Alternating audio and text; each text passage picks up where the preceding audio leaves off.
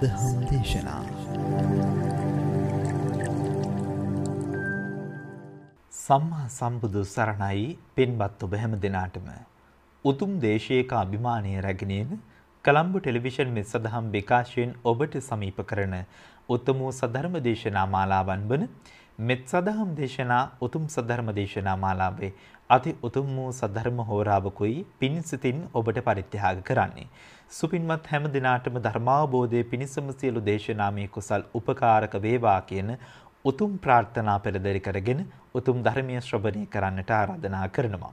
පින්වත්නි ධර්මානුශාසනා පවතුණු ලබන්නේ සුපුරුදු පරිදිම අතුරුගිරිය ශ්‍රී සදහම් පදරමේ ගෞරවනීය නිර්මාතෘවර හොරණ දික්හේනපුර ශීල සුවර්ණ ගිලන් භික්ෂු මධ්‍යස්ථානයේ වගේම උතුම් බක්කුල මහා සෑයේ ගෞරවනීය නිර්මාතෘ විචිත්‍ර ධර්ම කතික රාජකීය පඬිත පරම පූජනීය අප පින්වත් පූජ්‍යපාද අප ගුරු දේවෝත්තම අති ගෞරවනීය ගලිගමුවේ ඥානදීප පින්වත් නායක ස්වාමින් වහන්සේ විසින්.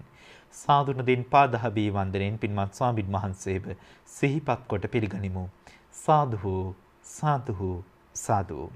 උතුම් වූ මෙත් සදහම් දේශනාවේ පින්බර දායකත්වයගෙන කටතු කරනු ලබනවා සිතාරා ගමගේ එදිරි සූරිය මහත්මිය අසිපත් එදිරි සූරිය මහතා අභිමන් එදිරි සූරිය යන පින්වත් පිරිස විසින්. විශේෂයෙන් මර්බුණු විදිහට සටහන් කර තිබෙන්නේ සිතාරා එදිරි සූරිය, අසිපත් එදිරි සූරිය සහ අභිමන් එදිරි සූරිය යන අයට නිදුක් නිරෝගී භාවයේ සූපත් භාවයේ කායික මානසික සූපත් භාවයේ සැරසේවා තුනුරුවනේ ආශිර්වාදයේ වේවායි ප්‍රාර්ථනා කරන්නට සියලු දෙනාට උතුම් ධර්මාබෝධයේ වේවායි ප්‍රාර්ථනා කරන්නට බලාපොරොත්තු වෙනවා. සංසාරගත පරලෝස්සපත් වූ සියලු ඥාතීන්ට සියලු දේශනාමය කුසල අනුමෝදනා වේවා උතුම් අමා මහ නිවන් අවබෝධ වේවායි ප්‍රාර්ථනා කරනවා. ඒ ප්‍රාර්ථනා සිද්ධාරාගෙන අති ගෞරවනීය පින්වත් නායක ස්වාමින් වහන්සේට සාදුන දින් පාදහබී වන්දනින් උතුම් ධර්මානුශාසනාවට ආරාධනා කරමු. මෙත් සිතින් මෙත් සදහම් දේශනා උතුම් සද්ධර්ම ශ්‍රවණී හැසිරෙන්නට ඔබ හැම දිනාටම ආරාධනය. සාදුහු සාදුහු සාදු. අවසරයි අප පින්වත් ස්වාමීන් වහන්සේ.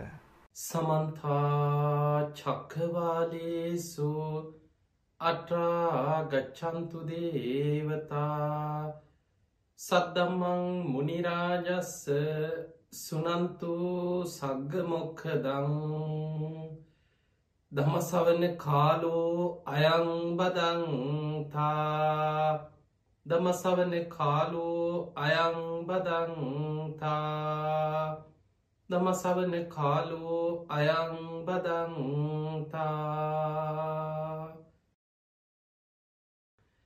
නමුතස්ස භගවතු වරහතු සම්මා සම්බුද්ධස්ස නමුතස්ස භගවතු වරහතු සම්මා සම්බුද්ධස්ස නමුතස්ස භගවතු වරහතු සම්මා සම්බුද්ධස්ස හැම දෙනාටම තෙරවල්සන්න ප්‍රාර්ථනා කරමින් අදත් ඔබ හැම දෙනෙක්ම කළඹ ටෙලිවිෂන් මෙත් සඳහම් විකාශය ඔස්සේ මේ උතුම් දායකත්ත ධර්ම දේශනාවක් එක්කයි අද එකතු වෙලා ඉන්නේ. පිංහතුනි අද මේ උතුම් ධර්මාණු ශාසනාවේ පින්බර දායකත්ත ධර්මය කටයුතු කරන්නේ සිතාරා ඉදිරිසූරිය අසිපත් ඉදිරිසූරිය හා අභිමන් ඉදිරිසූරිය කියන පින්වතුන් විසින් ඒ හැම දෙනාටම නිදුක් නීරෝගේ සම්පත්තිය තුළුරුවන්ගේ ආශීර්වාදය දීර්ඝාවශ සැලසේවා කෙනතුම් ආශීර්වාද ප්‍රාර්ථනාව සියලු දෙනාටම චතුරාර් සත්‍ය ධර්මයම අවබෝධ වේවා කියන උතුම් ප්‍රාර්ථනාවත් නමින් මිය පරලව යන්නට ඉතුරු සංසාරගත සියලූම ඥාතීට පින් අනුමෝදන් කිරීම අරමුණු කරගෙනයි සිතාරා ගමගේ එදිරිසූරිය අසිපත් එදිරිසූරිය අභිමන් ඉදිරිසූරිය කියන පිංගතුන් විසින් අද මේ ධර්මධානමය පින්කම සිදු කරන්න. තිය හැම දෙනාටමත් ඔබ හැම දෙනාටමත් මෙ සදහම් විකාශය ඔස්සේ ධර්මය ශ්‍රවණය කන ලක්වාසී ලෝවාසී හැම දෙනාටම. මේ උතුම් ධර්මශ්‍රවනය නිවන් දොරටුවක් බවට පත්වේවා කියලා මුලින්ම ආශිර්වාද ප්‍රාර්ථනා කරනවා. පිංහතුනී අද අපි මේ ධර්මාණු ශාසනාවෙන් කතා කරන්නේ අපේ ජීවිතයට ඉතාම වැදගත් මේ දෙවියන් පිළිබඳව. බොහෝ වෙලාවට අපිට අනවබෝධය නිසා නොදැනුවත්කම නිසා සමහරු දෙවියන් කියන්නේ අපේ පිනෙම්ම යැපෙන නිකං අපි දෙවියන් අපි නං ඔයි දෙවියන්ට වදින්නෑ දෙවියම් මොනව කරන්නද? දෙවිය මොනවද අපිට කරේ? අපිට නිගාතට කියක් හරි හදිසියක් වුණහම ගෙනත් දෙනවද? මේ ඔක්කොම් මිත්‍යා දෘෂ්ටික දේවල්. එදකට ඔය වගේ මතවාද අපිට සමාජයේ බොහෝ වෙලාවට අහන්න තියෙනවා. හැබැයි අපි ධර්මය තුළින් අපි යමක් තේරුම් ගන්න ඕනේ අපේ ඇස් දෙකට පේන මානෙන් නෙමේ මොකද අපිට පේන්නේ ඉතාම ස්වල්පයයි. අපි මේ ලෝකෙ සියල්ල පරිපූර්ණ අවබෝධ කරගත්ත එහෙම දැක්මක් තියෙන පිරිසක් නෙමේ අපි ඇස් දෙකෙන් දකින අපිට ඇහෙන අපි තේරුම් ගත්ත දේම හරි කියලා හිතුවොත් අපි විශාල මිත්‍ය අදහස් වල හිරවෙලා අපිට ලෝක යථාර්ථයක් හොයාගන්න බැරුව අපි අමාරු වැටෙනවා මේ ලෝකයේ විශ්වයේ සියල් අතැම්බු ලක්සේ පරිපූර්ණ වසයෙන් අවබෝධ කරගත්ත. අපි බුදුරජාණන් වහන්සේටකින ලෝක විදූ උන්හන්සේ මේ අපි ජීවත්වෙන මනුස්ස ලෝක ගැන විතරක් නෙමේ. මේ ලෝක ධාතුව හිරු සදුගේ ආලෝකයේ විහිදෙන පරාසය තුළ මේ සත්වයන් උපදින තල තිස්ස එකක්. ඊළඟට දස දහසක් ලෝක ධාතු. ත්‍රහි සහස්සී ලෝක ධාතුූ කෝටි ලක්ෂයක් සක්වල මේ වගේ අපිට මේ විශ්වය ගැන මහා පුදුම අවබෝධයක් ඇතුව බුදුරජාණන් වහන්සේ ඒ සියල්ල පරිපූර්ණ වසයෙන් අවබෝධ කරගෙන සියලු ලෝකයන්ගේ මිදෙන මාර්ගය මහා කරුණාවෙන් අපිට දේශනා කර. ඒ බුදුරජාණන් වහන්සේගේ දේශන ඇසුරෙන් උන්වහන්සේගේ අවබෝධය ඇසුරෙන් අපි ලෝකයේ දිහා තේරුම් ගන්න උත්සාහයක් ගන්නවා නං අන්න අපිට යම්මට්ට මෙෙන් හරි යම් දැනුමක් ලෝකයේ ගැන විශ්වය ගැන මේ අනිකු සත්වලෝක සත්වයන් ගැන ජීවිතය ඇති කරගන්න පුළුවන්කම තියෙනවා. අපි බුදුරජාණන් වහන්සේට කියනවා සත්තා දේව මනුස්සාන උන්වහන්සේ සත්තා ශාස්තෘන් වහන්සේ. කාගෙද? දේව මනුස්සා නමේ මනුස්සලෝක අපේ විතරක් නෙමේ. දෙව් මිනිස් ලෝකයාගේම ශාස්තෘන් වහන්සේ. ඊළඟට අපි බුදුරජාණන් වහන්සේව හඳුන්නනවා තුන් ලෝකාග්‍ර. මේ මනුස්සලෝකේ දිවිය ලෝකේ බ්‍රහ්ම ලෝකේ. මේ තුන් ලෝකේටම ඉන්න අග්‍රතම කෙනා තුන් ලෝකාග්‍ර. අපේ බුදුරජාණන් වහන්සේගේ බුද්ධ දේශනා දිහා බලද්දී දෙවියන්ට උන්වහන්සේ දින චරියාවේ පැය කීපයක් වෙන් කරා ඒ අයගේ ගැටලු ප්‍රශ්න බුදුරජාණන් වහන්සේ ළඟට ඇවිල්ල දෙවිවරු විසඳගෙන යනවා සංයුත්ත නිකාය තින දේවතා සංයුක්තේ දේවපුත්ත සංයුක්තය කියලා දේශන සිය ගානක් තියෙනවා. ඊළඟට විමානවත්තුව කියලා වෙනම කොටසක් කුද්දක නිකායට අයිති ග්‍රන්ථරත්න අතර තියෙනවා විමානවත්තු. විමානවත්තු කැනෙ පින්දහම් කරලා ඒ පින බලවත් වෙලා මරණින් පසු දිවියල් තලවල ඉපදිච්ච දෙවිවරුන්ගේ ජීවිත කතා ඇතුළත් දේශනා. ඊළඟට අපි දන්නවා බුදුරජාණන් වහන්සේ උන්වහන්සේ මුණගැහෙන්ට පැමිණිච්ච දෙවිවරු. උන්වහන්සේ අභිධර්ම දේශනාව කරේ මේ මනුස්සලෝක නෙමෙයි. තවතිසා දෙව්ලොව දිවිය ලෝකට වැඩම කරලා තමයි ඒ පරම ගහම්බීර විජම්බන දේශනාව සිදු කරේ ඒ දේශනාව අවසන් කරලා ලෝක විවරණ මහා ප්‍රාතිහාරයක් සිදු කරගෙන දෙව් බමුන් පිරිවරාගෙන අහසේ නං රන් ඉනි මගක් ඉරදියෙන් මවල මහා පෙලාර පාමින් තමයි දෙව්ලොවින් මනුලෝට වැඩම කරලා සංකස්සපුරයට වැඩම කරේ. එතකොට අපිට බුදුරජාණන් වහන්සේගේ දේශනා ඇසුරෙන් මේ දිවිය ලෝක බ්‍රහ්ම ලෝක දේවතාවරු ඒ අය මොන සුරූපෙන්ද ඉන්නේ? ඒ අයගෙන් ඇත්තටම අපිට පිහිටක් ලබන්න පුළුවන්ද? ධර්මය හැසිරෙන ශ්‍රාවකයන්ට දෙවියන් පිහිට වෙනවද? දෙවියන්ගේ පිහිට ඉල්ලන එක හරි දෙවියන්ගෙන් පිහිටක් ප්‍රාර්ථනා කරන එක මිත්‍යා දෘෂ්ටියකට වැටෙනවද? එතකට මෙන්න මේ කරුණු අපි ධර්මානුකූලව තේරුම් ගන්න උත්සාහයක් ගම් පිංහතුනේ දෙවියන් ධර්මී හැසිරෙන ශ්‍රාවකයන්ට ගෞරව කරනවා. කෙනෙක් සමහර වෙලාවට උදව් ඉල්ලුවත් නැතත්. එයා සිල්වත්නම් එයා මෛත්‍රිය වඩන කෙනෙක් නම් එයා ධර්මානුකුලව ජීවත්වෙන කෙනෙක් නම් දෙවිවරු යාව ආරක්ෂා කරනවා දේවතා රක්කන්ති. දැම් බලන්න මෛත්‍රී භාවනාවේ මෛත්‍රී ආනිසංස්ව බහල ඇති. මෙත්තානි සංස සූත්‍රයේ තියෙන ආනිසංස එකොළහක්. ඒ කොළ හාතර එකක් තමයි මෛත්‍රී භාවනා වඩන මෛත්‍රිය පතුරෝණ කෙනා දේවතාරක් අති දෙවුරු ඒ කෙනා ආරක්ෂා කරන. එතකොට එයා වෙනම දෙවියන්ගෙන් අනේ මාව රකින්න අනේ මාව ආරක්ෂා කරන්න අනේ මාව බේරගන්න කියලා අමුතුවෙන් ඉල්ලුවේ නැතත් එයා මෛත්‍රිය වඩනවනම් සිල්වත් කෙනෙක් නම්. මොකද එයා මෛත්‍රිය පතුරෝනවා සියලුත් සත්වයන්ට දිසා වසේ උඩ යට හාත් පසමේ දස දිසාවටම දෙවියන්ට මෛත්‍රී වඩනොයා. ළඟ සිටින දුර සිටින ගුරෝසු සරීර ඇති සියුම් සරීර ඇති. අහසේ පොළොවේ ජලයේ සිටින සබ්බේ සත්තා බවන්තු සුකි තත්වා.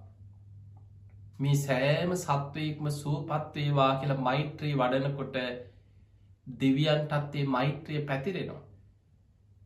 දෙවියන් එයාව ආරක්ෂා කරනවා. ඊළඟට ධර්මය සඳහන් වෙනවා සක්‍ර දෙවියන් මනුස්ස ලෝකයට වන්දනා කරපු සිදුවීමක් ගැන සක්ක නමස්සකෙන සූත්‍රී. සක්‍ර දෙවියන් කැනෙ තවතිසා දෙව්ලව චාතුම් මහරාජික තාවතින්ස කෙන දිවියලෝක දෙකේම අධිපති දෙවියන්. ඒ නිසා සක්‍ර දෙවියන්ට අපි ධර්මය හඳුන්වන දෙදෙව්ලෝට අධිපති කියලා. ඊට පෙර බුදුරජාණන් වහන්සේ පහළ වෙන්නත් බොහෝ කාලෙකට පෙර දඹදිව් තලේ මග මානවකය හැටියට ඉපදිලා බොහෝ ගුණපුරල හරියට පින්දහම් කරලා ඒ පිනේ විපාක හැටියට තමන්ගේ යාළුමිත්‍රයෝ පිරිසකුත් එක්කම දිවිය ලෝකෙ පහළ වනේ සක්‍ර දෙවියන් මග මානවක කතාව බහල ඇති ධර්මී සඳහන් වෙනවා මනුස්ස ලෝකෙද කරපුේ මහා පින්කංගට. ඊළඟට මේ සක්‍ර දෙවියන් අපේ බෝසතාණන් වහන්සේට පාරමී පුරද්දි බොහෝ උපකාර කරනවා පාරමී සම්පූර්ණ කරන්න. ජාතක පොත් වහන්සේ දිහා බලද්දි බොහෝ තැන්වල වෙස් වලාගෙන පැමිණිලා සක්‍ර දෙවියන් බෝසතාණන් වහන්සේට උපකාර කරපු සිදුවීම් සඳහන් වෙනවා. ඊළඟට පිංහතුනේ අපේ බෝසතාණන් වහන්සේ මවකුස පිළිසිඳ ගනිද්දිම සක්‍ර දෙවියන්ගේ අනින් සතරවරන් දෙවියන් හතර දෙනා තමයි බෝසත් අම්මගේ හතර පැත්තේ දං ඒ මාස දහයම ආරක්ෂාව සපයන් ගෞරවයක් වස්සේගේ අම්මගේ හතර පැත්තේ සතරවරන් දෙවියන් හතර දෙනා කුසේ වැඩෙන දරුවත් අම්මවත් ආරක්ෂා කරනවා. එදා වෙසක් පුන් පොහෝ දවසේ ලුම්මිනි සල්වනේදී. අපේ බෝසතාණන් වහන්සේ ලෝකෙට බිහිවෙත්ති ඉස්සල්ලාම රන් දැලකින් බෝසත් පුතා අතින් පිළිගත්තේ සක්‍ර දෙවියන්. ඊළඟට සතරවරන් දෙවියන්ගේ අතට පත් කරලා සක් දෙවිඳුගේ අතින් තමයි බෝසත් අම්මට බෝසතාණන් වහන්සේව භාර කරන්නේ දේවිය බොහෝම සතුටට පත්වෙන්. අත්තමනා දේවි හේතු අභිසන්තෝ පුත්තෝ ලෝකෙ උපන්නෝ. දේවිය බොහොම සතුරට පත්වෙන්න මහා පින්වන්ත කෙනෙක් ලෝකේටම යහපත උදා කරන. මහා පින්වන්ත කුමාරයෙක් ලෝකෙ පහළ වනා කියලා බෝසත් පුතා අම්මගේ අතට දෙන්නේ සක්‍ර දෙවියන්ගේ අතින්. අපිට පේනවා එහෙනම් මේ සක්‍ර දෙවියන් සතරවරන් දෙවිවර මේ බුද්ධ ශාසනයත් එක බොහෝ බැඳීම් තියෙනවා. අපේ බුදුරජාණන් වහන්සේ බුද්ධත්වයට පත් වනාට පස්සේ දීගනිකාය තින සක්ක පඥ්ඥ කියල සූට දේශනාව. මේ සක්‍ර දෙවිය බුදුරජාණන් වහන්සේගෙන් බණහලා සෝවාන් පලට පත්වෙනවා. එමන සක්‍ර දෙවියෝ ගැන පෘතජ්ජනයෙක් නෙමෙයි සෝවාන් වෙච්ච මාර්ග පල්ලප දේවතාව. පිංහතුනේ අපි මේ දිවිය තල ඒවෑ පිහිටීම ඒවෑ ආවිෂ ගැන යම් දැනුමක් මුලින් ඇති කරගම්. දැන් අපි මේ ඉන්න පෘථවි තලේ මේ මනුස්ස ලෝකයේ පොළොව ආශ්‍රිතව ඉන්න දේවතාවවරු ඉන්නවා. ඒ අයට අපි කින මේ භූමාටු දෙවරු මේ පොළොව ආශ්‍රිත දේවතාවරු. ඒ දේවතාවරු අතර ගත්තත් මහා බල සම්පන්න ඇත්තින්නවා ඒ තරන් ලොකු බලයක් නැති ඇත්තින්නවා ඒ ඒ අයගේ පිනේ ස්වභාවයට ප්‍රමාණයට ඒ අයි විමාන මවාගෙන ඉන්නවා. ඒ අතර සමහරෝක්ෂ විමාන කරගත් උක්ෂ දේවතාවරු ඉන්නවා. පරවත විමාන කරගත් දේවතාවරු ඉන්නවා. ඒ ඇන්න මේ ගල උඩට වෙලා ගලක් උඩට වෙලා ඉන්නවා නෙමේ. ඒ පර්වතයට ඉහළ විමාන මැවිලා තියෙනවා. ඒ භූමිය ඒ සීමාව තමන්ගේ විමාන සීමාවීට ඉහළ අහසි තමයි විමානි මැවෙන්. ගංගා විමාන කරගත් දේවතාවරු. එදකොට මේ විදියට මහා සමුඩ් දූපත් ප්‍රදේශ කඳු ශිකර දැන් අපි සාමාන්‍ය කතා කරනවා සුමන සමන් දෙවියන් සමන්තකූට පරවතය විමාන කරගත් දේවතාවක් හැටියට අපි කතා කරන අප ඉතිහාසය. එතකොට ඒ වගේ කඳු ශිකර ගංගා ඊළඟට ධර්මය සඳහන්නන සීමස්තක දෙවරු කෙල් හඳුන්නන්න සීමස්තක කියන්නේ අපි සාමාන්‍ය කැන ඒ ඒ ගම් ගම්බාර දෙවරු කියලා තිස්සර මිනිස්සු සාමාන්‍ය හඳුන්නන ඒ ගම්වලට අධිග්‍රෝහිත දේවතාවරන්න ප්‍රදේශවලට අධිපති දේවතාව.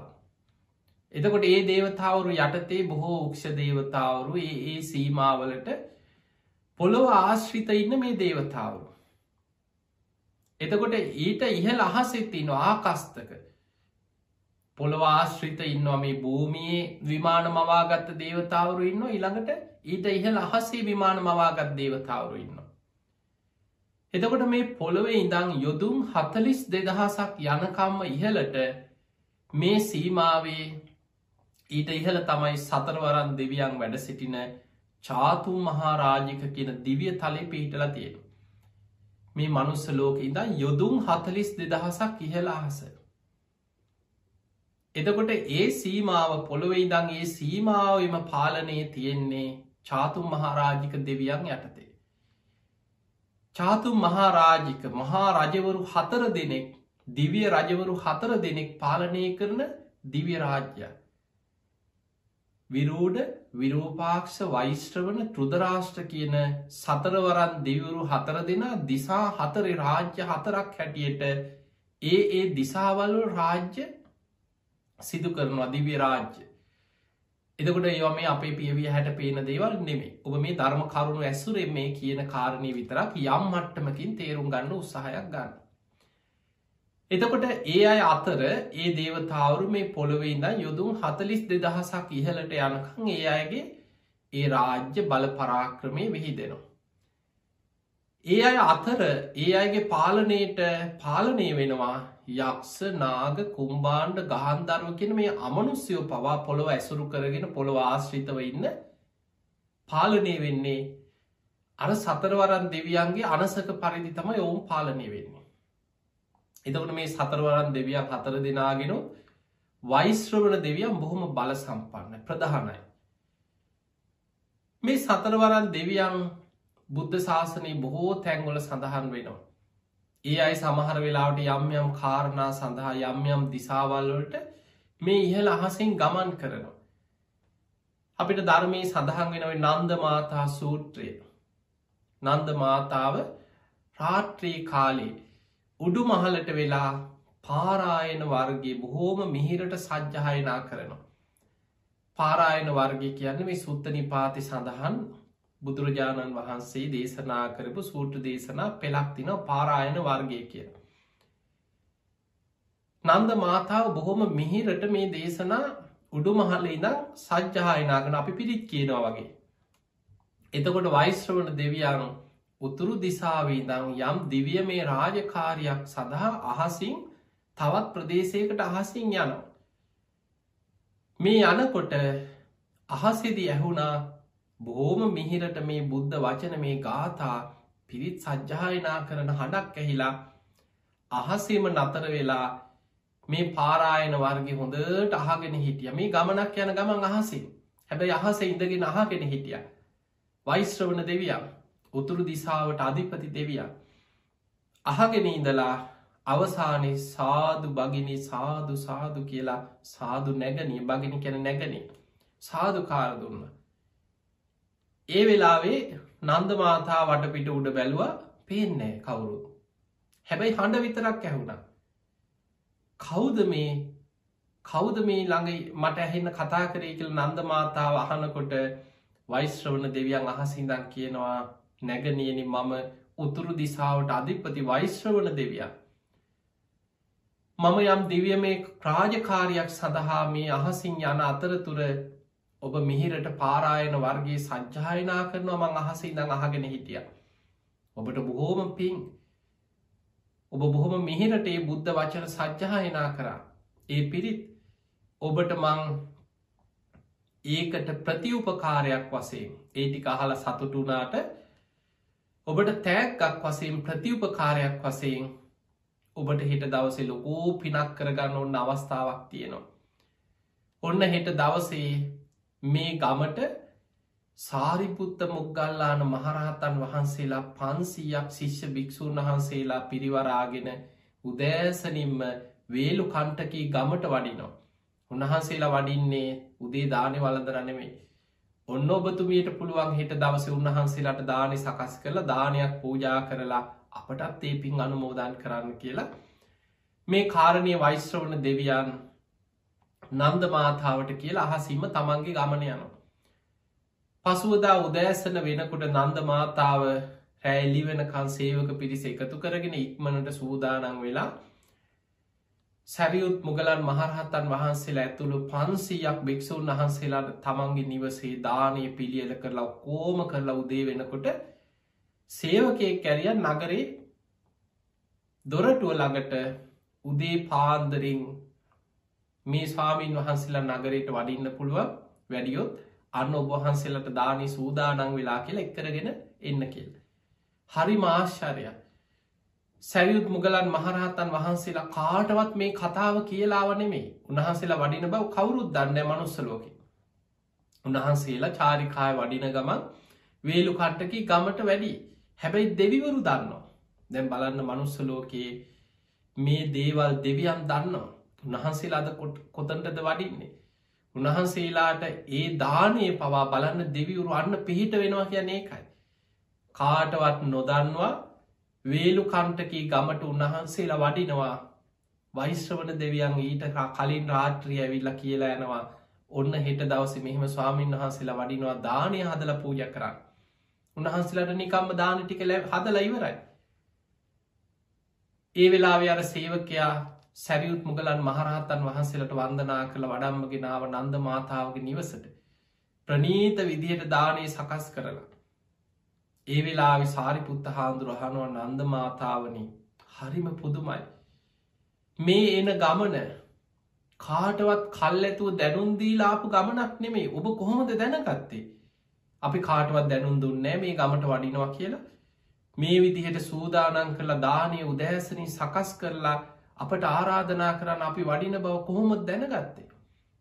එතකොට නන්ද මාතාව කියන ස්වාමිනී රාත්‍රී මං අහසේදම් මේ මං ඉහල උඩු මහල ඉඳම් පිරිත් දේශනාවක් මේ පාරායන වර්ග ගාතකීපයක් සංජහයනා කරද්දී වෛස්ත්‍රවන දෙවියන් ඒ අහගෙන ඉඳලා මට මේ පණවිඩේ කියලා ගියා කිය. සාරිපුත්ත හාමුදුරුවෝ ඒ වෙලාවේ සතුටු වෙලා කියනවා සාද නන්ද මාතාවනි ඔබනං ආශ්චරය අත්භූත කෙනෙ උතුරු දිසාවට අධිපති වෛශ්‍රවන දෙවියම් පවාහෙනම් ඔබට පණවිඩ කියනවා. එදකොට අපිට පේනවා මේ දේශනාදිහා බලනකොට දෙවිවරු ධර්මය හැසිරෙන අයට මඟ පෙන්න්නන හැටි. සිල්වත් ගුණුවත් ස්වාමීන් වහන්සේලාට දානය ටික ලැබෙන්න දෙවුරු මඟ පාදනාකාරය. ඒවගේ පිංහතුනි ධර්මය හැසිරෙන අයට දෙවියන්ගේ උදව්පකාර සැලසෙනවා. දැංගු බහල ඇති සීවලි මහරහතන් වහන්සේ. උන්වහන්සේ මහා කැලේ මැද්දට වැඩියත් හිමාල මහ වනාන්තරයේ මැදින් වඩිනෝ සංඝයා සමඟ. දෙවියන් මනුස්ස වෙස් මවාගෙන දන්සැල් මවාගෙන දන් දෙනවා දානි වලදල නැකිටල ටික දුරක් ගිහිම් බලන්නකොට ඔක්කොම අතුරු දහන් වෙලා.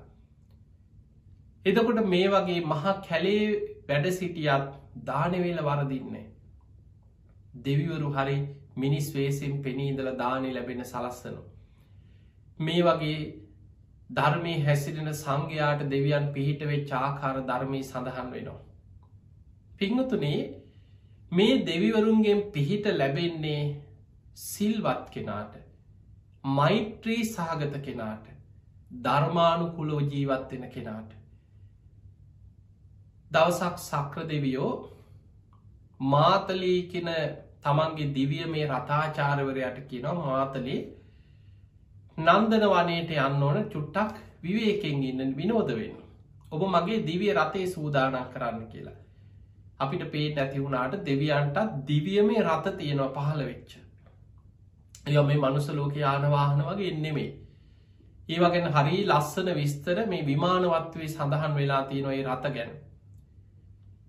දැම් මාතලි රතාචාරයවරය සක්‍ර දෙවියන්ගේ දිවිය රතේ සූදානන් කරනවා. ටිකක් පරක්කුයි මාතලී ගිහිල බැලුව මොකද මේ සක්‍ර දෙවියන් පරක්කු. සක්‍ර දෙවියෝ මනුස්සලෝකෙ දිහාවට හැරිලා වන්දනා කරනවා. ඒ වෙලා මාතලී කල්පනා කරා මේ සක්‍ර දෙවියන් කියන්නේ චාතුම් මහාරාජික තාවතින්සේ කියෙන දිවිය ලෝක දෙකේම අධිපති. දෙදෙව් ලොවට අධිපති. සතරවරන් දෙවියන් පවා සක්‍ර දෙවියන්ට ගෞරව කරනවා. අනෙක් සියලු දෙවිවරු ගෞරව වන්දනා කරනවා. ඒ තරම් බල සම්පන්න ඔබ වගේ මහා මහේශාක්‍ය දේවතාවේ මහානු භාව සම්පන්න අධිපති දේවතාවෙක් මනුස්සලෝක කාටදොයි මනුස්සලෝකට වඳන්නේ? මාතලි යහනෝ සක්‍ර දෙවියන්ගෙන් ඔබ කාටද බේ මනුස්සලෝකට හැරිල වන්දනා කරන්න? ඔබ මේ තරම් බල සම්පන්න කෙනෙක්නේ. අන්නේ වෙලාවේ ගාථා කීපයක් කියන සක්‍ර දෙවියන් පළවෙනි ගාථාවෙන් කියන මාතලේ මේ මනුස්සලෝක ඉන්නවා සිල්වත් ගුණවත් සීල සමාධි ප්‍රඥා වඩන බුදුරජාණන් වහන්සේගේ ධර්මය අනුගමනය කරමින් ධර්මමාර්ග ගමන් කරන ස්වාමීන් වහන්සේලා ඉන්නවා. ඒ වගේම භික්‍ෂුණීන් වහන්සේලා ඉන්නවා. සීල සමාධි ප්‍රඥා වඩමින් නිවන් අවබෝධයට මහන්සි ගත්ත පැවිදි ශ්‍රාවක ශ්‍රාවිකාව භික්‍ෂු භික්‍ෂුණී අන්නේ අයට මං මනුලවට හැරිලා වන්දනා කරනවා. ඒ මගේ පළවෙනි වන්දනාවයි කිව්. ඒනම් සක්‍ර දෙවිය මනුස්සලෝකට හැරිලා පළවෙනියට වන්දනා කරන්නේ මේ ධර්මමාර්ග හැසිරෙන භික්‍ෂු භික්‍ෂුණීන්ට. සීල සමාධි ප්‍රඥා වඩනයට මතක තියාගන්න ඒ අය නිවන් අවබෝධයට මහන්සිගන්න සීල සමාධි ප්‍රඥා වඩන බුදුරජාණන් වහන්සේගේ පැවිදි ශ්‍රාවකයෝ විය යුතුයි. ඒ අයට වන්දනා කරනවා. දෙවනි ගාථාවෙන් දෙවනි වතාවට කෙන මාතලි ඊළඟට මං මනුස්සලෝක වන්දනා කරන්නේ ඒ ගහට්ටා පුං්ඥ කරා සීලවන්තෝ උපාසකා. දම්මේන දහාරම් පෝසෙන්තේ තන් නමස්සාමි මාතලී. ඔන්න ඔයි ගාථාවේ අර්ථය තීර ඒ ගහට්ටා පුං්ඥ කරා ගහට්ටා ගිහි ජීවිතය ගත කර කවුද? පුං්ඥ කරා පින්දහම් කරන සීලවන්ත උපාසකා. ඒ අයි සිල්වත් උපාසක උපාසිකාවන්. දම්මේන දහාරම් පෝසෙන්ති. ඒ අයි ධාර්මිෂ්ටව ජීවත්වෙනවා හොර මැර වංචාවෙන් තොරව ධර්මානු කුලව ධාර්මිෂ්ටව ජීවත්වෙනවා අසාධාරණ විදිහට මිල මුදල් උපයන්නේ සාධාරණව සාධාරණ ජීවිත ගත කරගෙන ධර්මානු කුල ජීවිත ගත කරනවා. ඒ ධර්මානුකුලව හරිහම්බ කරන මුදලෙන් තමන්ගේ අමුදරුව පෝෂණය කරනවා දම්මේන ධාරම් පෝසෙන්ති තන් නමස්හාමි මාතලි මාතලි ඒ ගිහි ශ්‍රාවකයන්ට මං මනුලවට හැරිල වන්දනා කරනවා කියනවා. එහනම් මනුස්සලෝකෙයින්න ඔබ දෙවියන්ගෙන් පවා වැඳුම් පිදුන් ලබන්න සුදුස්සෙක් වෙන්නේ ඔන්න ඔය ලක්ෂණ ඔබ තුළ තියෙනවන. ඔබ ගිහි ජීවිතය ගත කරන සීලවන්ත උපාසකයෙක් නම් ඔබ නිති පන්සිල් රකින පෝයට උපෝසත සීලයක් සමාදන් වෙලා ගුණධර්ම පුරණ ශ්‍රාවකයෙක් නම් පුං්ඥ කරා පින් දහම් කරනවා දන් පින්කං කරනවා අනුන්ට උදව්පකාර කරනවා නිතර පිනට ආස කරන පිනටම නැඹුරු වෙච්ච ජීවිතයක් ගත කරන පිනට කැමති කෙනෙ කර්ම කරම්පල විශ්වාස කරන කෙනෙ ලෞකික සම්මාධිත්‍ය ඇති කෙනෙ ඒ ලෞකික සම්මාධිට්ටිද තමයි කියන්නේ කම්මස්ස කතා සම්මාධිට්ටි දසවස්තුක සම්මාධිට්ටි පින ගැන තමයි එක සඳහන් වෙන පින් පව් ගැන එදකොට යා පින් කරන කෙනෙ සිල්වත් උපාසකේ දම්මේන දහාරම් පෝසෙන්ති ධාර්මිකව ජීවත්වෙනවා. එයා වසවිස වෙලදාම් කරන්නේ මස් පිණිස සතුම් විකිනීම් කරන්නේ අවියාවිද වෙලදාම් කරන්නේ වහල් වෙලදාම් කරන්නේ නෑ යා සාධාරණව ධාර්මිෂ්ටව දහඩිය වගුරෝලා තමන්ගේ බුද්ධියෙන් හරි ඥානයෙන් හරි රාජ්‍ය රැකියාවක් හරි ව්‍යාපාරයක් හරි තමන් කරන රැකියාව තුළ සාධාරණව ධාර්පිෂ්ටව ජීවත්වෙන. අන්නේ අයට දෙවියම් පවා මනුලොව වන්දනා කරන ඉතින් එහෙමනම් එවැනි අයට දෙවියන් ඒ අය ආරක්ෂා කරනවා අය අමුතුවෙන් උදව් ඉල්ලුවත් නැතත් ගුණධර්ම පුරණ කෙනාව දෙවරු ආරක්ෂා කරනවා. පිංහතුනි දෙවියම් ප්‍රියම භාවනාවක් බුදුරජාණන් වහන්සේ පෙන්වා. ඒ තමයි මෛත්‍රී. දෙවියන්ගේ උදව්පකාර ලබන්න නං දෙවියන්ගේ පිහිට ලැබෙන්න නං සිල්වත් වෙන්න ඕන මෛත්‍රිය වඩන කෙනෙක් වෙන්න. ඔබ නිතර මෛත්‍රිය පුරුදු කරනවන. දෙවියන්ට හරීම ප්‍රියයි කියනවා මෛත්‍රිය වඩන කෙනා. තැම් බලන්න බුදුරජාණන් වහන්සේ වැඩ සිටිදි භික්‍ෂූන් වහන්සේලා පන්සිය නමක් ඔයි කරණීමත සූට්‍ර දේශනා කරපු හේතු බුදුරජාණන් වහන්සේගෙන් අවසර අරගෙන වස් කාලෙ එනකොට උන්වහන්සේලා කල්පනා කර අපි හිමාල මහ වනාන්තරය ආශ්‍රිත මේ කැලෑ ප්‍රදේශකට ගිහිල්ල වස් සමාදන්වමකි හොදයි කියලා. බුදු හාමුදුරන්ගෙනු තවසර අරගෙන කැලේට ගිය වස් කාලි ගත කරන්න. ගිහිල්ල මහ වනාන්තරේ උන්වහන්සේලාම සුද්ධ කරගත්ත. මට මේ ගල්ලෙන හොඳයි. මට මෙතන හොඳයි. මං මේ මේ භූමිය කියලා ගල්ලෙන් ටිකක් එහෙම සුද්ධ කරගෙන කැලේ ඇතුළේ භාවනා කරන්න දැන් වස් කාලේ මේ වස් කාලය අපි මේ මහ වනාන්තරේ බණ භාවනා කරගෙන රෑතින් පේන ගමකට පින්ඩ පාත කියල කැලේමු කියලා සූදාන වුණා. මේ භික්‍ෂූන් වහන්සේලා කැලේට ආවට පස්සෙ මේ වනාන්තරයේ ඉන්න වක්ෂ දේවතාවරු. ඊළඟට පර්වත දේවතාරු ඒ භූමි විමාන කරගත් දෙවියවරු ඉන්නවයි පලාත්වල.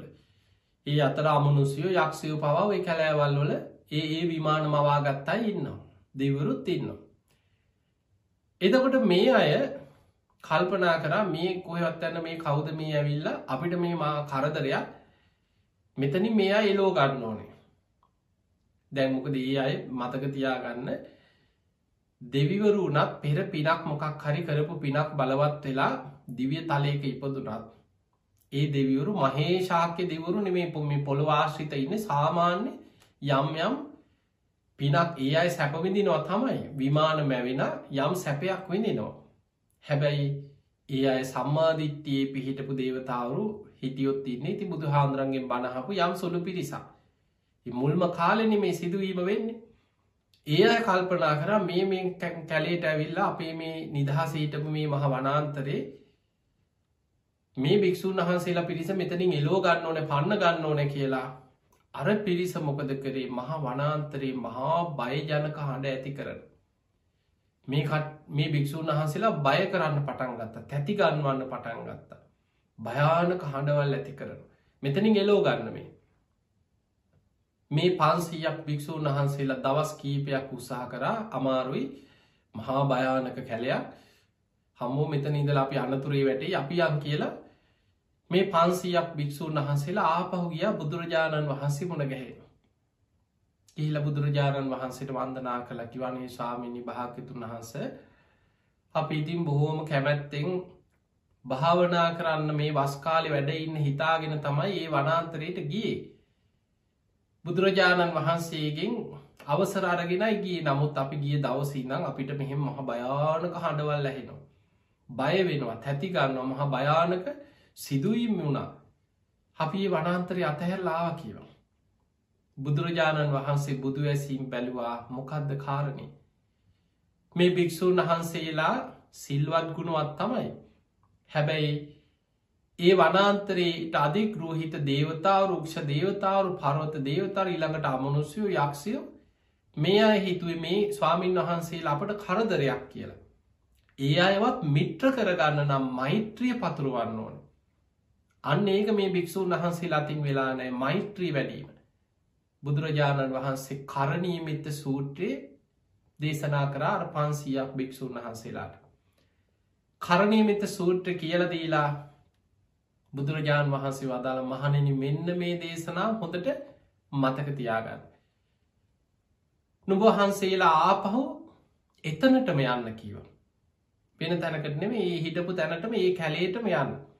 ගිහිල්ලා මේ දේශනාව මහ වනාන්තරයට ඇහෙන විදිහට සජ්්‍යහායනා කරන්න. හඬනගා කැලේටම ඇහෙන්න සජ්්‍යහායනා කරන්න. ඒකම භාවනාවක් වසයෙන් පුරුදු කරන්න. මේ දේශනාවම තියෙන මෛත්‍රිය නුඹහන්සේලා භාවනාවක් හැටියට මේ වස්කාලි පුරුදු පුහුණු කරන්න. ඊළඟට මේ දේශනාවම වනාන්තරයට ඒ අයටත් ඇහෙන්න හයියෙන් සජ්්‍යහයනා කරන්න. ආපහු එතැන්ටම යන්න කියලා මේ දේශනාව කියලා දීලා බුදුරජාණන් වහන්සේර පන්සීයක් භික්‍ෂූන් වහන්සේලා ආයමත් හිමාල වනයටම පිටත් කරා. මේ ස්වාමීන් වහන්සේලා ආයමත් ගියා ගිහිල්ලාර කලින් හිටපු තැනටම ගිහිල්ලා එකතු වෙලා කරණීයමෙත්ත සූත්‍රය මහා හඬින් වනාන්තරයට ඇහෙන විදිහට සජ්්‍යහයනා කරා. සජ්්‍යහයනා කන අපි පිරිත් කියන්නේ හයිින් අරේ වගේ ඇහෙන්න හයිින් සජ්්‍යහයනා කර. කරණීමිත සූත්‍ර තියෙන්නේ මොකක්ද මෛත්‍රිය. මුළු වනාන්තරයේ මුළු පරිසරයටම මෙත් සිත පැතිරෙව්වා. හඬ නගා උද්දං අදෝච තිරියංච අසම්භාදං අවේරං අසපත්තං තිට්ටන් චරන් නිසින් නොවා සයානෝ හිටගෙන හිටියත් ඉඳගෙන හිටියත් වාඩි වෙලා හිටියත් නිදාගන්න ගියත් හර වනාන්තරයටම මෛත්‍රී වඩනවාදයි.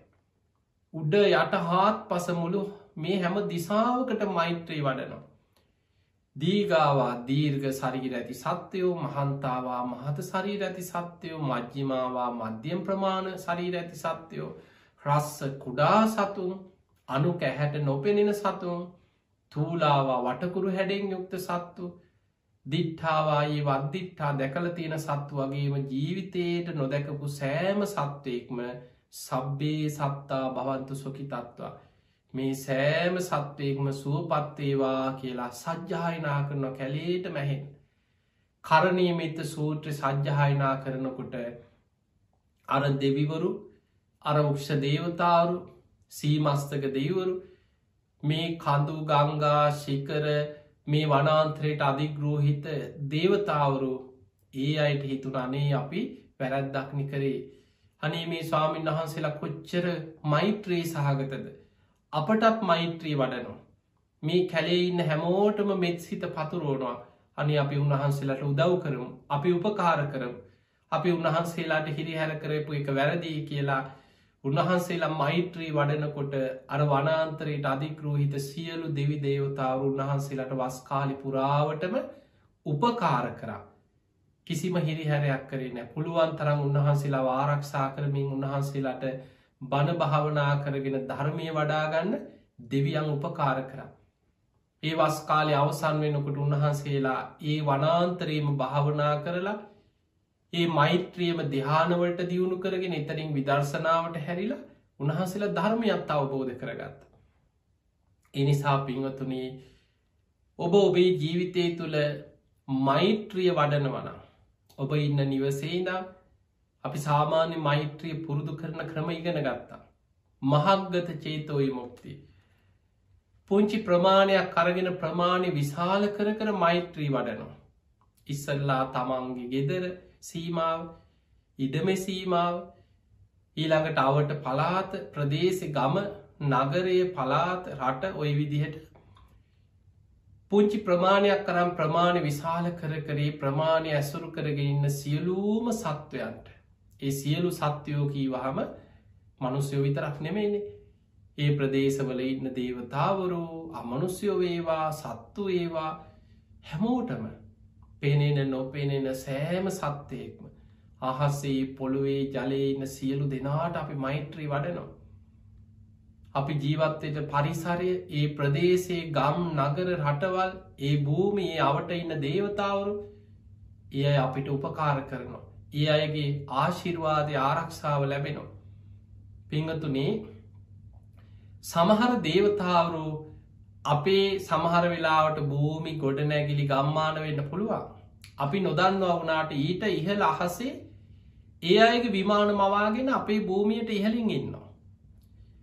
දැන් ධර්මය සඳහන් වෙනවා දම්ම පදේ සඳහන් වෙනවා අනාත පින්ඩික සිටතුමාගේ නිවසට ඉහල අහසේ විමාන මවාගෙන හිටපු දිව්‍යාංගනාවක් ගැන සඳහන් වෙන. මේ දිව්‍යාංගනාව මිත්‍යාදෘෂ්ටික දිව්‍යාංගනාව. පස්සේ ධර්මය පිහිටනවා සිටතුමාගේ ධනය නැතිවෙච්ච වෙලාවේ අවසානය සක්‍ර දෙවයාගේ අනින් මේ දේවතාව තමයි ආපහු සිටතුමාට ධනය ලැබෙන සලස්වලා සක්‍ර දෙවියන් අන කරන ඔබ ගිහිල මේ විදිහට කරන්න මේ විදිහයට කරන්න කිය. අවසාන මේ දිව්‍යාංගනාව බුදුරජාණන් වහන්සේගෙනුත් බණහලා ධර්මයත් අවබෝධ කරගන්න. අනාත පින්ඩික සිටතුමාගේ නිවසට ඉහළ විමාන කරගෙන හිටපු දෙවඟනක් කියන. අහසේ. එතකොට එහනම් අපිට පේනවා යම් කිසිරි සිටු නිවාස වෙන්න පුළුව සාමාන්‍ය නිවාස වෙන්න පුළුවන් අපි නොදන්නවා වනාට අපි එහැට පේනෑ එක. දෙවියන්ට විමාන මැවෙනවා. මහා පරිනිබ්භාන සූත්‍රය දීගනිකාය තියන මේ දේශනාව තියෙන අපේ බුදුරජාණන් වහන්සේ පිරිනිවන් පාන්න වඩිනකොට පාටලී පුට්‍ර කියල නගරයට වැඩම කරනවා. එදා රාත්‍රී බුදුරජාණන් වහන්සේ මේ නගරේ වැඩ සිටිය. ඒ වෙනකොට සුනීත වස්සකාර කියන අමාත්‍යවරු අජාසත් රජ්ජුරුවන්ගේ අමාත්‍යවරු මේ නගරේ අලුතෙන් ඉදි කරන කාලේ. නගරේ සැලසුම් කළ අලුතෙන් නගරයක් හදනවා. පාටලී පුට්ට නගරේ. එදා රාත්‍රී බුදුරජාණන් වහන්සේ බුදුවැසින් දකිනො මේ අලුතෙන් ඉදිකරන නගරේ විශාල ගොඩනැගිලිවලට ඉහළ අහසේ මහේශාක්‍ය දෙවරු විමාන මවාගෙන අරක් ගන්න. සාමාන්‍ය ගොඩනැගිලිවලට ඉහළ අහසේ මධ්‍යමානු භාව දේවතාවරු අහසේ අරක් ගන්නවා. සාමාන්‍ය ගොඩනැගිලිව ඊළඟට පුංචි පුංචි ගොඩනැගිලිවට ඉහළ හසේ සාමාන්‍ය දේවතාව. පසුවදා බුදුරජාණන් වහන්සේ ආනන්ද හාන්දුරන්ට මේ කාරණය දැකලා ආනන්ද හාන්දුරන්ට කිනො ආනන්දය මේ සුනීත වස්සකාර අමාත්‍යවරු පාටලීපුට්ට නගරේ ඉදි කරන්නේ හරියට මේ දෙවියන් එක්ක සාකච්ඡා කරලා කතා කරගෙන කරන දෙයක් වගේ. මේ මනුස්ස ලෝකයේ අලුට් නගරයක් හදනවා මහා ගොඩනැගිලි ලස්සනට සැලසුම් කරලා ඉදි කරනකොට ඊට ඉහල අහසේ ඒ ඒ ආනුභාව සම්පන්න දෙවිවරු ඒ ඒ ප්‍රමාණවලට විශාල ගොඩනැගිලිවට ඉහලි මහේශාක්‍ය දීවරු ඊට හෙළි මධ්‍යමානු භාවදවරු ඒ විදියට දෙවියන් අහස අරක් ගන්නවා කිය. එදකොට මේක දීගනිකාය සඳහන් වෙනවා මහා පරණිබ්භාන සූත්‍රය එහෙමනම් අපිට පේන අපි දන්නේ නැති වුණාට මේ භූමිවලට ඉහල අහසේ දෙවියන් විමාන මවාගෙන වැඩඉන්න. ඊළඟට පොළොව ආශ්‍රිතව දෙවරු ඉන්න ඔක්ෂ දේවතාවරු පර්වත දේවතාවරු කඳු ශිකර විමාන කරගත් දේවරු ගංගා විමාන කරගත් දේවතාවරු මහා සමුද්‍රයේ විමාන කරගත් දේවතාවරු ඉන්න. දූපත් විමාන කරගත් දේවතාවරු ඉන්න. ඔබ හල ඇති මහා සමුද්‍රයට මනිමේ කලා දෙවගන මේ මහා සමුද්‍රයේ ඉන්න දේවතාවරු අතර ප්‍රධානම දිව්‍යාංගනාව හැටියට මහා සාගර ඉන්න විමාන කරගත් දෙවංගනක් හැටියට. එතකොට බුදුරජාණන් වහන්සේගේ ශ්‍රාවකයෝ තෙරුවන් සරණගිය සීල් ගුණ දහම් රකින ධර්මය හැසිරෙන අය මහා සාගරයම් අනතුරක් විපතක් වෙලා තුනුරුවන් ගුණ සිහි කරලා තමන්ගේ ගුණ සිහි කළ සත්‍යයක් ක්‍රියා කරද්දී මනි මේ කලා දෙවගන ඒ අයට පිහිට වනා කියල සඳහන් වෙන. නොසිතපු විදියට සමහල්ලාට කොටයක් හරි ගහගෙන ඇවිල්ල ඒක එල්ලිලා ගොඩවිමකට දූපකතකට කොහොම හරි ගොඩ යනවා. අපේ බෝසතාණන් වහන්සේ වෙළදාමිකි අවස්ථාවල නැව් මුහුදු බත්වෙච්ච අවස්ථාවල මේ සාගරයට අධිග්‍රෝහිත දේවතාවරු ආරක්ෂා කරලා පිහිට වෙලා උන්වහන්සේලාට එතනින් පිටත්වෙන මාර්ගය පාදල දෙනු. ගොඩාක් ජාතක පොත් වහන්සේ තුළොවැනි කරුණු සඳහන් වෙනවා. ඔබහල ඇති සමුද්‍රවානිජ ජාතකේ විසුනාමියක් වගේ මුහුද ගොඩ ගැලීමක් සිදුවෙච්ච සිදුවීමක් ගැන සඳහන් වෙනවා. ඒකෙ තියෙන්නේ වෙළදාමගිය පිරිසක් දූපතකට හදිස්සී කුණාටුවකට හසුවෙලා ගමන් මාර්ග වෙනස් වෙලා අලු දූපතකට යන. මේ දූපත හරීම ලස්සන මල් පිපිලා පල බර වෙලා තියෙන දූපතා. මේ හැම ගහකම ඒ පරිසරයම දෙවියන් විමාන කරගෙන ඉන්න දූපතා.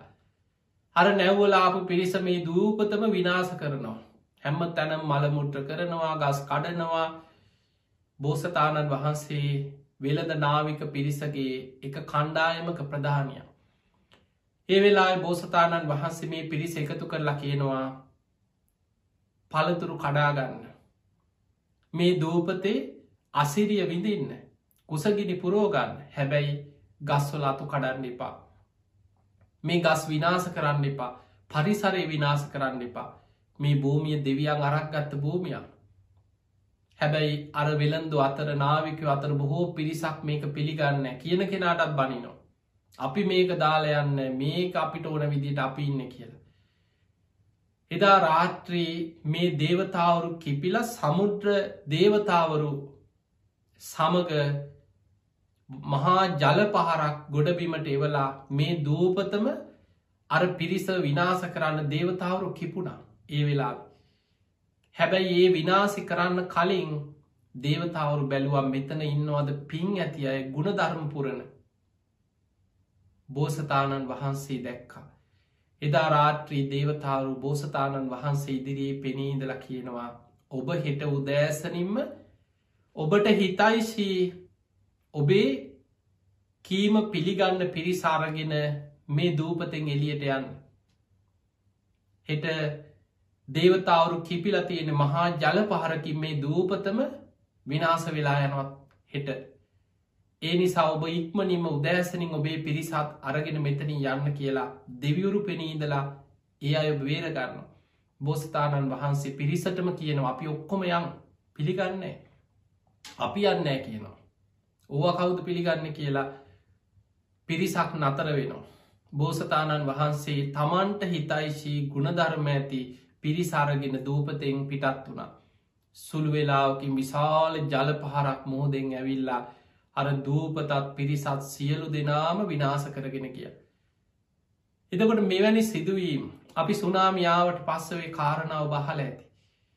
ඊට පස්සේ තමයි වැඩිපුරොයි සමුද්ධවානිජ ජාතකයේ මේ මුහුදු ගොඩ ගැලීම් දේව කෝපයකින් වුණා මේවා එදා අපි කතා කරේ මේ සුනාමියෙන් පස්සය දේශනා වැඩිපුර මිනිස්සු අතරටාව.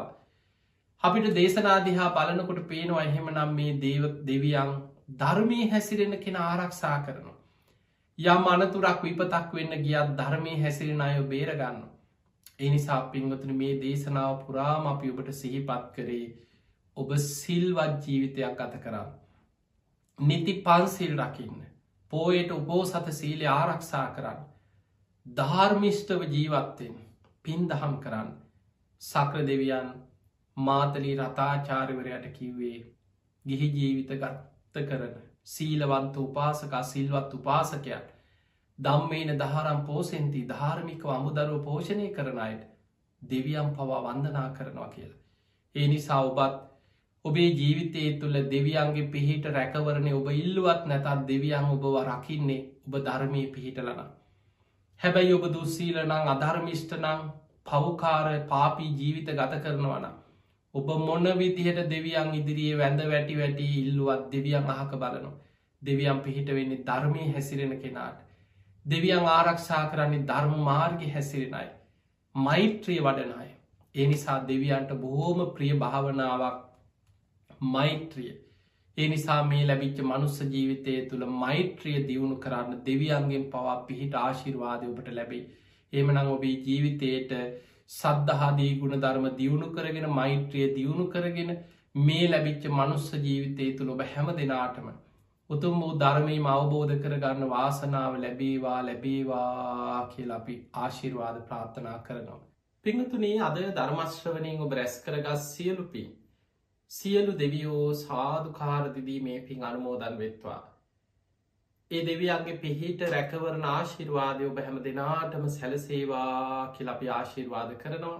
ඒ වගේ මද මේ ධර්මාණු ශාසනාවේ පින්බර දායකත්ති ධර්මින් කටයුතු කරන්නට ඉදුනේ සිතාරා ඉදිරිසූරිය අසිපත් ඉදිරිසූරිය හා අභිමන් ඉදිරිසූරිය කියන ඒ හැම දෙනාටම නිදුක් නීරෝගී සම්පත්තිය තුරුළුවන්ගේ ආශිර්වාදය දීර්ගාව සම්පත්තියම සැලසේවා කෙනුතුම් ප්‍රාර්ථනාව ඒ වගේ මුතුම් චතුරාරි සත්‍ය ධර්මය අවබෝධය පිණිස මේ ධර්මානු ශාසනාව ධර්ම දානමය පින. ඒ හැම දෙනාට මාශීර්වාදයක් පාරමිතාවක් වේවා කෙනුතුම් ප්‍රාර්ථනයෙන් මේ ධර්මධානමය පින්කම සිදු කරේ. ඒවගේ මේ පිංහතුන්ගේ අරමුණු අතර සඳහන් වෙනවා සංසාරගත මිය පරලෝගිය පින් අපේක්ෂාවෙන් ඉන්න සියලු ඥාතිී. සාධකාර දිදී මේ පින් අනුමෝදන් වෙත්වා ඒ අයගේ පරලෝ ජීවිත සැපවත්වේවා සූපත්තේවා සංසාර දුකින් අතමිදේවා කියල සාදු කියල මියගේ ඥාතීට පින්දීමත්. තින් එහෙමනං දායකත්වේ සම්බන්ධ වෙච්ච සිතාරා ගමගේ ඉදිරිසූරිය අසිපත් ඉදිරිසූරිය අභිමන් ඉදිරිසූරිය කෙන පින්වතුන් ඒගේ පවුලු සුජීවත්ව ඉන්න සියලු දෙනාමත් ඔබ හැම දෙනාමත් කළම ටෙලිවිෂන් මේ සඳහම් විකාසේ හැම දෙනාමත් ධර්මශ්‍රවනය කලක්වාසී ලෝවාසි ඔබ සියලු දෙනාමන් නිදුක්වේවා නිරෝකිවේවා සුව පත්වේවා. ඔබ හැම දෙනාට මුතුම් ධර්මාවබෝධය පිණිස මේ පිනාශිර්වාදයක් පාරමිතාවක්ම වේවා වේවා කියලපි ආශිර්වාද කරනු. ආකා සට්හාච බුම්මට්හා දේවානාගා මහිද්දිකා පුഞ්ඥන්තන් අනුමෝදිත්වා චිරන්රක් කන්තු ලෝක ශාසනං ආකාසට්හාච පුම්මට්හා දේවානාගා මහිද්දිකා පුഞ්ඥන්තන් අනුමෝදිත්වා චිරන්රක් කන්තු දේශනං ආකාසට්හාච පුම්මට්හා දේවානාගා මහිත්තිකා පුഞ්ඥන්තන් අනුමෝදිත්වා චිරන්රක් කන්තුතුවං සදා හැම දෙනාටම සම්මා සම්බුදු සරණයි. මෙත් ස්කුළුනින් යුතුබ මෙත් සිත් පතුරුවන මෙත් සදහම් විකාශයේ මෙත් සදහම් දේශනා අර්ථාන්විත වූ සදම් ශ්‍රවණී හැසිරුණු වාසනාවන්ත සත්පුරුෂ සුපින්වතුනි ලැබූ මිනිසත් භවය තුළ ධර්මය තුළින් ජීවිතය හරිමග ගමන් කරන්නට ධර්මය තුළින් ජීවිතයට මාර්ගෝපදේශයන් සකසා ගන්නට මේ උතුම් ධර්මානුශාසනාව හේතු වේවා. ඔබට ධර්ම ඖෂධයක්ම වේවායි ප්‍රාර්ථනා කරනවා.